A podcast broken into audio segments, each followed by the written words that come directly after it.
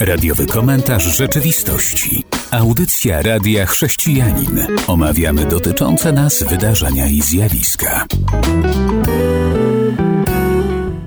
Przyszedł czas kolejnej audycji, co mnie ogromnie cieszy, bo mogę ponownie przywitać w niej naszych słuchaczy i Wojciecha. Witam. Witam Państwa, witam Cię Robercie. Teraz przejdźmy do naszych wiadomości. Czy masz coś może o Katarze, bo ten Katar to już powolutku nam przechodzi, co pewnie niektórych ucieszy. Dokładnie tak. Mistrzostwa się kończą, kończy się to ta cała zawierucha związana z grą. Może nie dokładnie o Katarze, ale sprawy związane z piłką nożną. I tutaj dwie. Jedna jest bardzo smutna, bo jak się okazuje, jeden z irańskich piłkarzy, Amir Nasar Azdani, tak się chyba wymawia jego nazwisko, został skazany na karę śmierci. Dlatego, że bronił właśnie protestujących. Tam w Iranie cały czas się gotuje, ludzie protestują. On po prostu pozwolił sobie bardzo niepochlebnie wypowiadać o władzy i został skazany na karę śmierci. Miejmy nadzieję, że do tego nie dojdzie, ponieważ w Iranie ostatnio bardzo dużo ludzi zostało powieszonych po prostu przez tamtejszy reżim, a ten piłkarz no, miałby zostać zabity za to, że bronił praw kobiet. To jest chyba na postrach. Następni będą teraz bardziej ostrożni, jeżeli będą bronić czegokolwiek, czego nie chce bronić rząd. Jest to na tyle przykre, że są rządy, które dopuszczają się już takiej siły, aby się utrzymać, to powinni bardziej honorowo odejść. Jak ich ktoś nie lubi, no to się przecież odchodzi, a nie broni za wszelką cenę. Oni prawdopodobnie mają bardzo dużo do stracenia. Nie ma możliwości chyba już dla nich takiego zwykłego odejścia, zrzeczenia się władzy, bo za dużo ludzi będzie niezadowolonych i podejrzewam, że to jest główna przyczyna.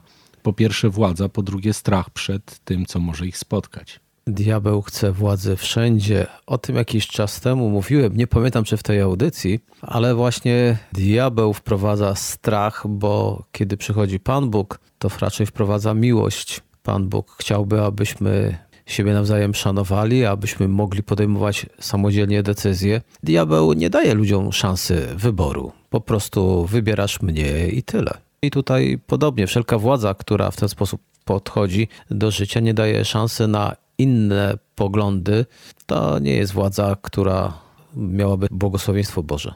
Na pewno, ale są też dobre wieści, jeżeli chodzi o piłkarzy, bo myślę, że warto tutaj powiedzieć o tym, że jak zaczęły się mistrzostwa, wielu piłkarzy zaczęło przyznawać się do swojej wiary i to spowodowało taką, można powiedzieć, trochę lawinę różnych takich wystąpień. I na przykład jeden z czołowych zawodników kadry Anglii, Bokayo Saka, 20-letni piłkarz Arsenalu Londyn, ostatnio właśnie pytany przez prasę o różne rzeczy, powiedział innymi, że właśnie podczas mistrzostw czyta Biblię, którą ze sobą zabrał. Jest ona dla niego najważniejsza, jeżeli chodzi o zachowanie wiary. Tutaj właśnie czytanie Biblii powiedział, daje mu to, że nie musi się denerwować, martwić o wyniki, choć to jego pierwsze mistrzostwa. Podobnie się wypowiedział reprezentant Holandii Kody Gakapo, który mówi, że jeżeli nie może chodzić do kościoła, dzwoni do pastora, rozmawia, umacnia się w wierze. Wiara daje mu pokój, którego on potrzebuje. Tak powiedział właśnie ten zawodnik. Innym zawodnikiem jest znowuż reprezentant Holandii, Daniel Demphis, który powiedział, że wiara to oczywiście coś dużo większego niż futbol. Jesteśmy wdzięczni Bogu za to, co mamy. Czujemy się błogosławieni jako piłkarze pomarańczowych. Właśnie ten Memphis Depay powiedział, że zazwyczaj prowadzi drużynę w modlitwie przed grą. On gra we FC Barcelonie. Powiedział też: Wiara daje mi wewnętrzny pokój. Mogę na niej polegać na Bogu w moich modlitwach, w ten sposób żyję. No, takie fajne świadectwa tego, że i ludzie sławni też wierzą i nie wstydzą się o tym mówić. Wspomniałeś, że wielu piłkarzy. Ja nie wiem jak wielu, ale tak, tych trzech i cieszymy się, że przyznają się do tego, że są ludźmi wierzącymi, bo tak jak wspominam ostatnio, że chrześcijanie wierzą w Pana Jezusa, to dobrze. Cieszą się, że coś Pan Bóg dał im i zmienia ich życie, ale dobrze, żeby mieli jeszcze odwagę o tym mówić, dlatego że jeżeli o tym powiedzą innym, to i inni mogą skorzystać, będą się czuć zachęceni. I tak faktycznie się stało odnośnie piłkarza Saka, tego angielskiego. Na Facebooku, na profilu serwisu chrześcijanin.pl pojawiła się informacja, W tej chwili jest tam ponad 400 polubień tej wiadomości, że ten piłkarski as Anglii mówi otwarcie o swojej wierze chrześcijańskiej. Cieszy mnie to, że też komentarze, które tam są, to nie są jakieś negatywne, tylko wręcz pozwolę sobie tutaj zacytować. Użytkownik Jan Brawo to a propos tego piłkarza. Inna użytkowniczka podpisała super. Marian pisze już go lubię, a Piotr napisał wzór do naśladowania. No to właśnie o to chodzi, kiedy składamy świadectwo swojej wiary. Dla wielu ludzi są to słowa zachęty i być może pójdą w nasze ślady i też zaczną mówić z większą odwagą o tym, co Bóg czyni w ich życiu.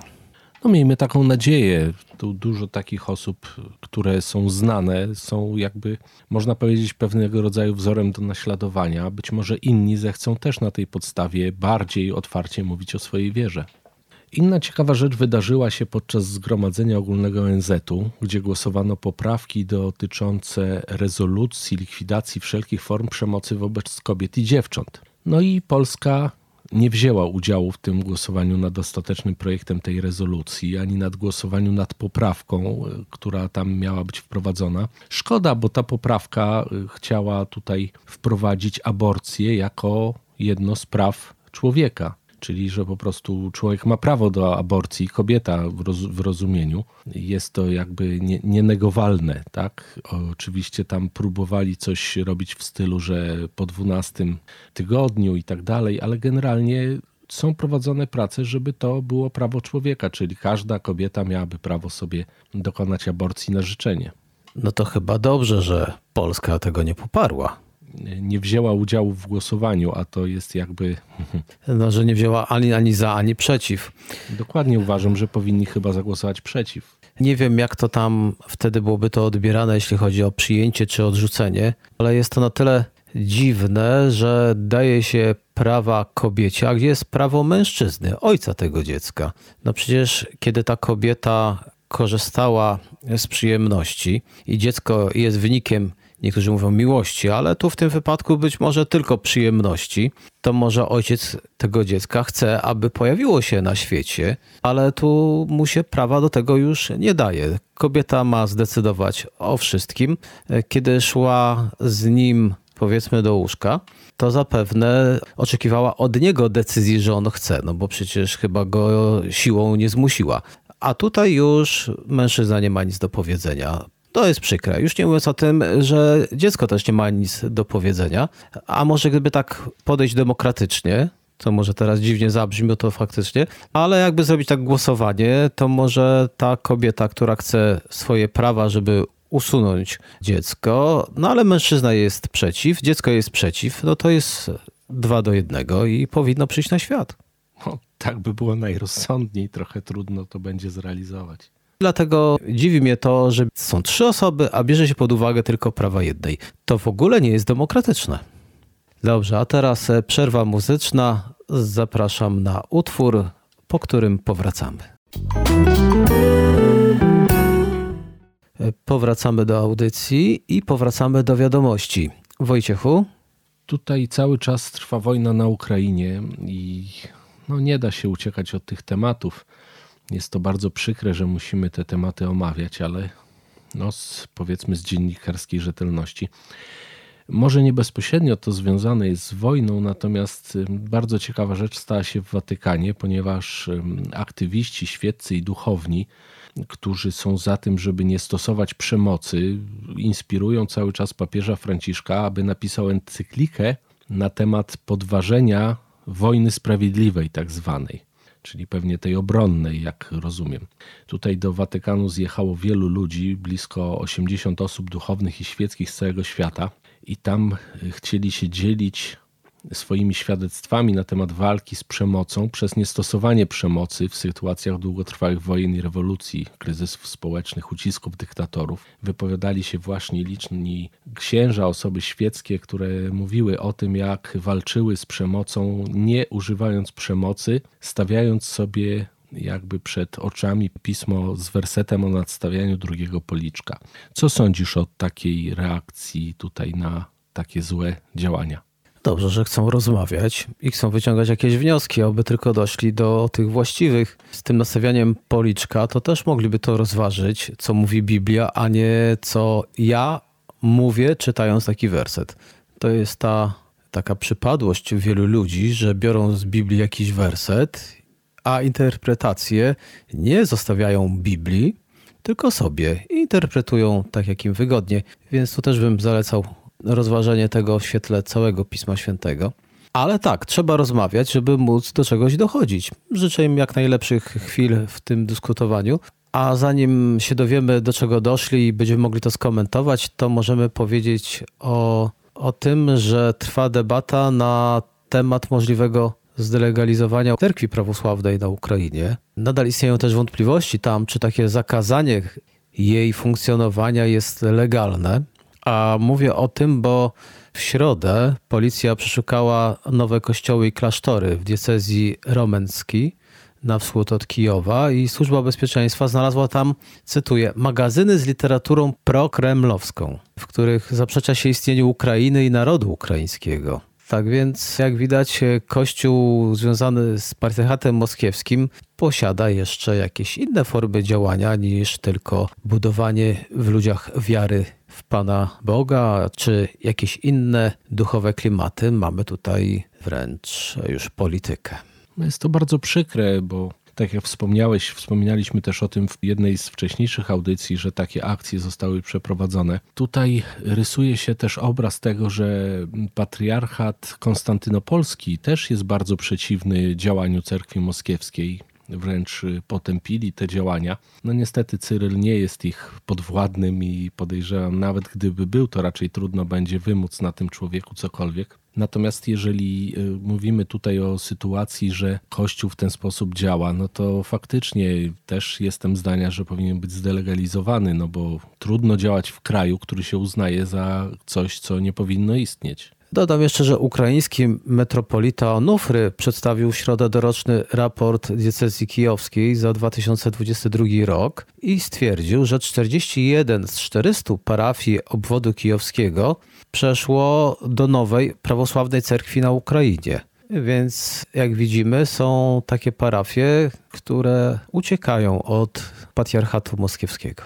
Tak, tutaj obserwując mm, różnych ekspertów w tym temacie, też zauważamy, że ciężko będzie Rosji odbudować swoją jakby pozycję na Ukrainie, nie mówiąc o wpływach jakichkolwiek. Do dwóch pokoleń prawdopodobnie, tak jak oceniają eksperci, to będzie jedna wielka zadra i rana, która nie będzie pozwalała na jakiekolwiek relacje, już nie mówię o przyjacielskich. Natomiast no, myślę, że i ten patriarchat moskiewski będzie musiał z czasem się wycofać stamtąd. Pewnie jakieś drobne parafie zostaną, ale raczej patrząc na to, co się dzieje, będą musieli chyba zwinąć się i wyjechać do Rosji.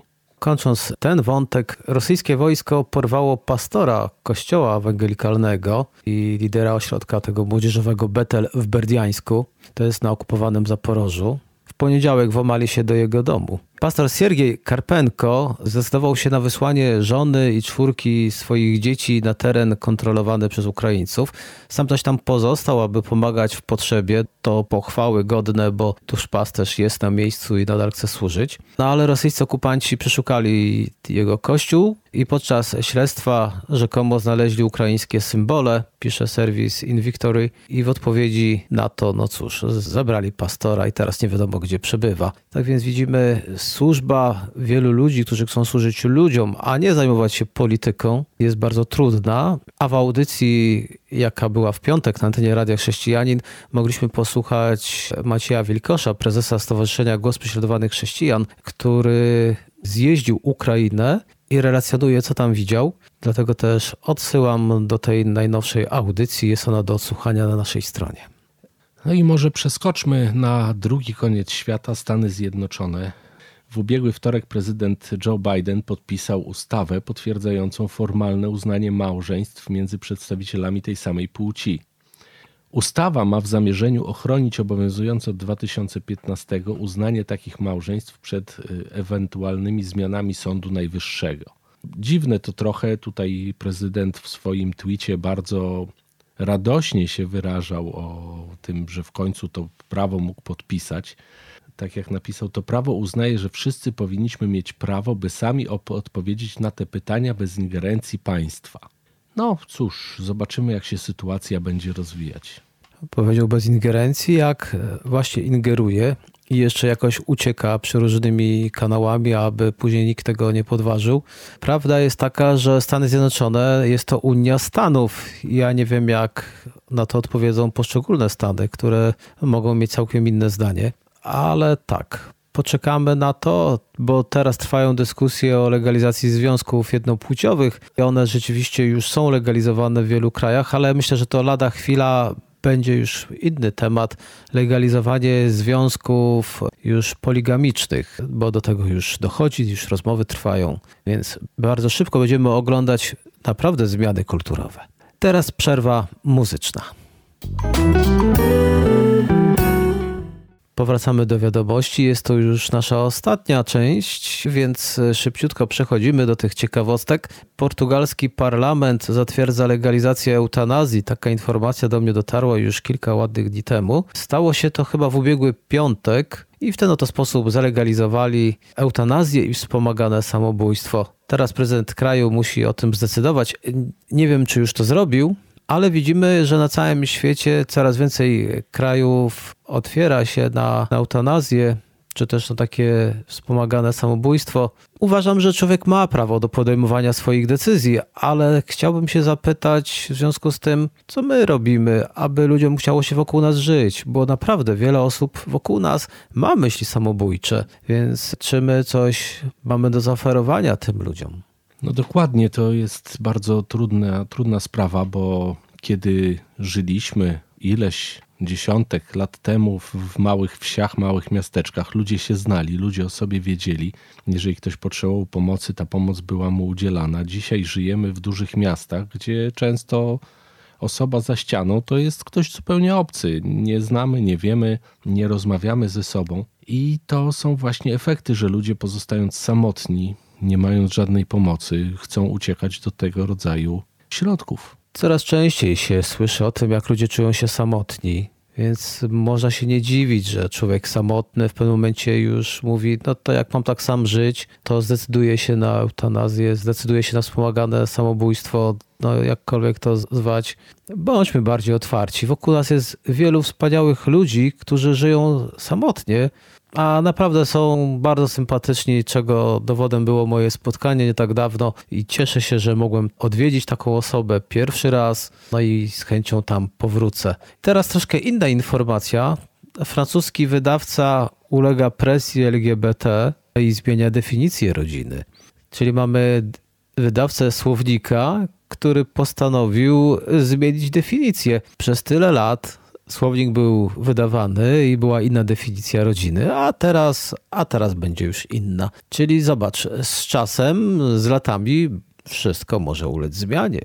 No szkoda tylko, że na gorsze, bo raczej to nie jest dobre, jeżeli mamy pewne hasła, które funkcjonują, a potem je zmieniamy pod presją. To, to jest po prostu tylko polityka, tylko poprawność polityczna. I zapewne w Polsce też za jakiś czas pewne słowa będą ulegać przedefiniowaniu. No ale bądźmy czujni, bo jak się okazuje, zmianom nawet ulegają preferencje filmowe. W niektórych serwisach ponoć mają zniknąć co niektóre filmy, bo są już niepoprawne politycznie. Nie dlatego będą znikać, że nikt ich nie chce oglądać, ale dlatego, że są pewne filmy, w których przedstawiani są niewolnicy, a oni są tam czarnoskórzy, no to te filmy mają teraz znikać ze serwisów streamingowych, bo nie są poprawne. No jak to tak? Niewolnik i czarny. Więc zmienia się też historię ja znowuż chciałbym e, zwrócić uwagę na inny problem, który zaczyna się tutaj pojawiać nam na widnokręgu. Otóż e, zauważono, to pani profesor Anna Wilczek z Uniwersytetu Jana Kochanowskiego w Kielcach, że dla ludzi zmęczonych pandemią, wojną, natłokiem informacji, pogonią za osiąganiem ideałów i wyrabianiem norm jest bardzo kusząca perspektywa, czy alternatywa może, nazwana tryb goblina A tryb goblina polega na tym, że żyje się z dala od oczekiwań, norm społecznych, w atmosferze niespiesznego lenistwa, domowego niechlujstwa, skupienia uwagi wyłącznie na sobie, lekceważenia, negowania opinii innych. Czyli tutaj właśnie pani profesor zauważa takie właśnie zachowanie, najczęściej właśnie wśród młodzieży. To wymięte dresy, włosy w nieładzie, stos kubków na stole, przewijanie stron lub kanałów na wygodnej kanapie.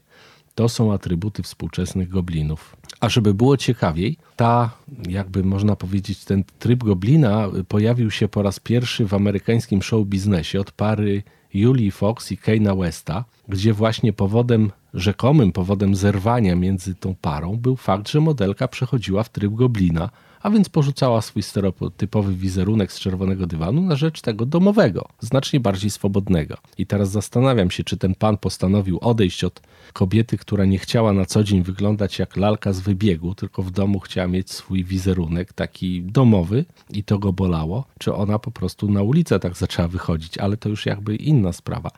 Nie uważasz, że to jest poważny problem dzisiaj? Nie do końca zrozumiałem to wszystko. Tryb goblina powie, że człowiek skoncentrowany na sobie. No to inaczej egoista. No to kto chce żyć z egoistą? Jak on jest taki skoncentrowany na sobie i nic go wokół nie interesuje, czyli interesuje się tylko tym, co on włoży do garnka, tym, co on ma do powiedzenia, bo innych nie słucha i ubiera się tak jak chce i sobie mówi, a co mnie tam obchodzi, co inni sądzą ten temat, więc jak się nie ubiera i wychodzi na ulicę, to też co mnie to obchodzi, co inni na ten temat mają do powiedzenia, to ja się nie dziwię, że taki człowiek będzie uciekał od takiej kobiety, czy taka kobieta od takiego mężczyzny. Więc w tym znaczeniu, jeśli chodzi o egoizm, to my takich trybów to już niekiedni zatrybili i coraz więcej się pojawia. A jeżeli to ma jakieś inne znaczenie, no to ja takie zrozumiałem. No tak, mniej więcej tak wygląda z tego artykułu. Natomiast kwestia jest taka, że coraz więcej osób właśnie w ten tryb zaczyna przechodzić. Tutaj, tak jak wyjaśnia pani profesor, z jej badań to wynika, że coraz więcej młodych ludzi właśnie w ten sposób zaczyna żyć. Ta pani swoimi badaniami potwierdza to, co jest w Biblii napisane, więc nic nowego. Biblia mówi, że w czasach ostatecznych ludzie będą samolubni. Cytuję, więc e, pokazuje to, że wchodzą już w czasy ostateczne, a nawet pani profesor sama dochodzi do takich wniosków, patrząc na to, co się dzieje. No bo tu nie chodzi o to, że kiedyś nie byli samolubni, tylko że widać, że ten tryb się nasilił.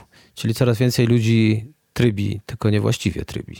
Na koniec e, chciałbym wspomnieć o czymś, gdzie też ludzie chyba nie zatrybili właściwie, Najbardziej bezradne są kobiety w zakładach karnych, bo co się dzieje?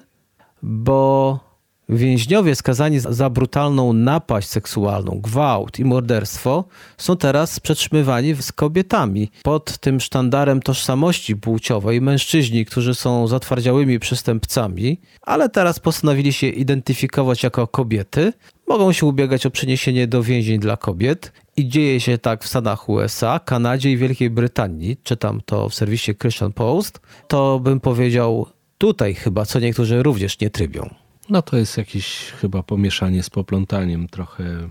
Nie chcę twierdzić, że te, ta gazeta naciąga, bo po Stanach Zjednoczonych jestem w stanie spodziewać się różnych rzeczy, ale trochę to jest takie dziwne. Jeżeli miałoby to faktycznie mieć miejsce, to, to nie powinno chyba raczej się zdarzać, bo jednak jeżeli ktoś jest skazany za przestępstwa seksualne na kobiecie i teraz go zamkną z kobietami, to, to coś jest nie w porządku. No ale on jest kobietą. W więzieniach są mężczyźni, którzy pobili mężczyzn i z tego powodu trafili do więzienia i nie siedzą z kobietami. Więc jeżeli on uważa się za kobietę, no to będąc poprawnie politycznymi, ci wszyscy muszą umieścić kobietę z kobietami. Jak widać, dzieją się przeróżne rzeczy na świecie. Smutne to jest. Mam nadzieję, że się obudzą. A tak naprawdę to gdzie są feministki, które powinny walczyć o dobro kobiet. Więc jeżeli one się nie odzywają, to ja myślę, że i sam feminizm chyba przeszedł w jakiś inny tryb. No tak to wygląda, chociaż ja tak y, siedząc i słuchając tego, co mówisz, znalazłem dla nich rozwiązanie. Trzeba po prostu w kobiecym więzieniu wydzielić jeden oddział od reszty odłączony, zamknąć ich wszystkich w tym jednym oddziale i niech sobie siedzą z innymi mężczyznami, kobietami, bo może coś im zaświta. Czyli tych, którzy uważają się za kobiety, trzymać oddzielnie, nie z kobietami.